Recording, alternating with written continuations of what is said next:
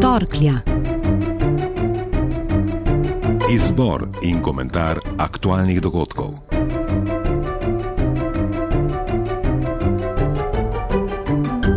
Jamr, jamr ali popevka o jamračih.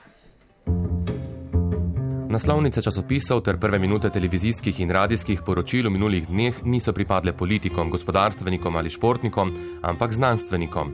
Tako tujim kot slovenskim. Prvim je uspelo prvič doslej neposredno dokazati obstoj gravitacijskih valov, ki jih je pred stoletji prvi opisal že Albert Einstein. Gre za dosežek stoletja in avtorje naj bi že čakala Nobelova nagrada za fiziko. In če navadnemu smrtniku to odkritje zaradi silne zapletenosti morda ne pomeni veliko, nam je nekoliko bliže dosežek 14 znanstvenic in znanstvenikov, zaradi katerih so tuji mediji nekaj minut in vrstic namenili tudi Sloveniji. Dosežek, ki jim ga zavida v svet, je posledica odličnega sodelovanja med različnimi inštitucijami. Do pomembnih zaključkov pa so prišli v pičlih treh mesecih. Delali so brez premora, tudi med božičnimi in novoletnimi prazniki. Hiteli so tudi zato, da bi prehiteli kolege, je povedala Tatjana Avšič Županc z Inštituta za mikrobiologijo in imunologijo Ljubljanske medicinske fakultete. Tudi v znanstveni sferi seveda je tekmovanje in uh, tokrat uh, smo zelo ponosni, srečni, veseli, da je to nam uspelo in sicer v tekmi z daleč, daleč najoglednejšo raziskovalno skupino na svetu. To so raziskovalci iz Centra za nadzor bolezni v Atlanti. Slovenski prispevek k razumevanju virusa Zika je prelomen, saj so raziskovalci doslej samo sumili na povezavo med virusom in možganskimi okvarami. Pomembno bo tako za eh, pripravo eh, kvalitetnega cepiva, čeprav cepivo že pripravljajo, seveda tudi za morebitno specifično zdravilo. In kot sem že rekla, predvsem eh, je pomembno to, da bi na ta način poskušali iskati eh, način, eh, kako virus pravzaprav ukuži možgane. Po vseh aferah v akademskih sferah je tokratna novica vendarle vlila nekaj optimizma. Je dokaz, da denar, ki ga namenjamo znanosti, ni vržen stran, čeprav ga je vedno manj. Do družbe znanja, o kateri je bilo v preteklosti toliko govora, pa smo še vedno precej daleč. Kot vedno so bili največja tarča pustnih norčij politiki, saj nam vsak dan dajajo še in še materijala za obravnavo. Pri tem je bila v tem tednu najbolj pridna ministrica za kulturo. Kdaj boste odstopili? Vprašanje, ki ga je slišala že večkrat, tudi v zadnjih dneh, in je kot kaže nanj postala popolnoma imuna. Tudi zaradi močne strankarske podpore in koalicijskih kupčij, ki ji omogočajo miren spanec. Kaj več od blagega premijevega opozorila v stilu, če ne boš pridna, ne boš gledala risank, zato tudi ne moremo pričakovati čeprav bi si glede na številne odprte fronte že zaslužila rdeč karton. A profesorica matematike in menedžmenta, ki se je s kulturo profesionalno prvič srečala šele z imenovanjem na mestu ministrice, ostaja sila samozavestna in vse kritike nonšalantno odvrača.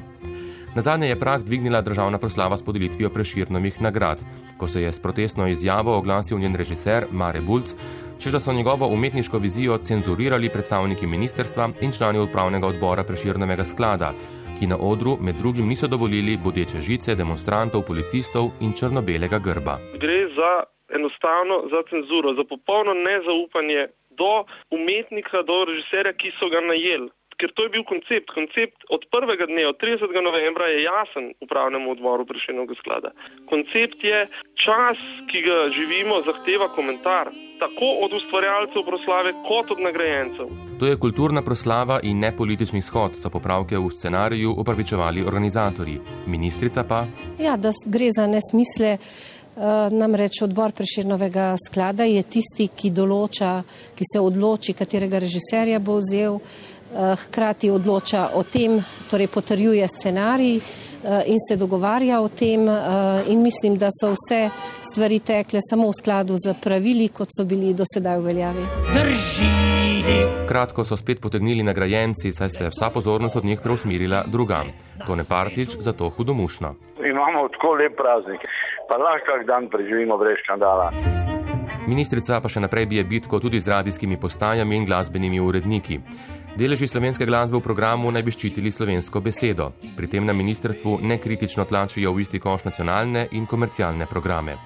Ministrica je šla še dlje in namigovala na zlorabe in dogovarjanja o predvajani glasbi tudi v programih Radia Slovenija.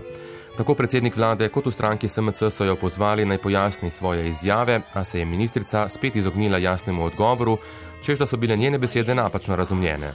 Torej, o korupciji ni bilo govora. Smo res le narobe razumeli? Prisluhnimo še enkrat besedam ministrice v državnem svetu. Še nadaljne zlorabe kvot strani nekaterih pomembnih lasnikov oziroma urednikov radijev, ki uporabljajo javne frekvence ali pa so celo javni uslužbenici RTV Slovenije, ki jo celo plačujemo z javnimi denarji. Katere zlorabe, kakšne dokaze ima v rokah ministrica in zakaj jih ne pokaže, jo sprašujejo tudi koalicijski partnerji. Na mestu bi bilo ali da predstavi dokaze, ali pa če teh dokazov ni in je pač to povedala, recimo, temu v žaru razprave, da se upraviči, kar bi bilo seveda tudi primerno do vseh javnih uslužbencev na RTV Slovenija. Očitno pojasnila, kaj šele upravičila, ne bo. Ministrica je spet dokazala, da kultura ostaja talka politike. Po glasbenih kvotah pa nam je poslušalka povedala tole. Ljubitelje slovenske besede bi vprašala samo eno stvar. Kaj je to kvota, kaj je to projekt, kaj je to regula in še tako dalje in tako naprej. Ali mar res, res ni slovenske besede za to? Ali je pa to sam nek uvožen zahodni politični biznis, uh, ki uh, je na butasti način? Ta, skratka, za me je to totalen idiotizem. Hvala lepa na svidenje. Kaj svet brez tebe, no nikakor joj! Morda si nekaj podobnega o delu svojih kolegov misli minister Goran Klemenčič, a je vendarle svoje misli o tem, kako spremlja dogajanje v zadnjih tednih, opisal bolj diplomatsko. Zmešanico obžalovanja in jeze. In bom s tem v zvezi spremljal tudi nadaljne odločitve. Ministerski kolegi so ga hiteli spraševati, kaj točno je mislil, tudi največji šalivec v vladi. Na, če sem ga sam vprašal, če misli tudi mene, rekel, da ne.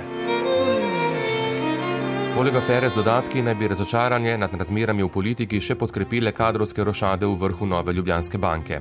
Tudi sicer je kritik na ravnanje vodstva SDH veliko. Največji očitek poznavalcev pri zamenjavah je, da so moč znova dobila tako imenovana stara omrežja.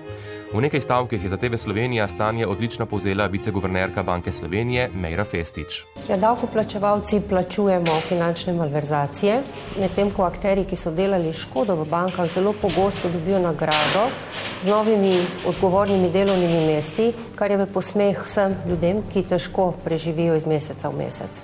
Vprašanj za prvega moža SDH-ja Marka Jazbeca je torej veliko, odgovorov še ni.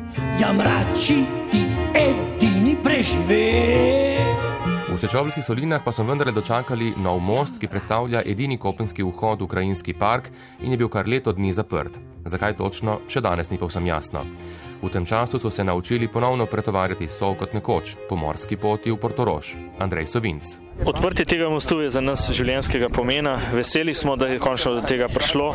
S tem bodo obiskovalci imeli možnost obiska in transport soli, tako da za nas je to velika pridobitev in sam srečni smo, da se je to zgodilo. Da bi mostove, take in drugačne, gradili in ne rušili. S to mislijo se od vas postavljamo avtori tokratne oddaje Armando Šturman, Darko Pejič in Andrej Šavko. Jamranje nas kup drži.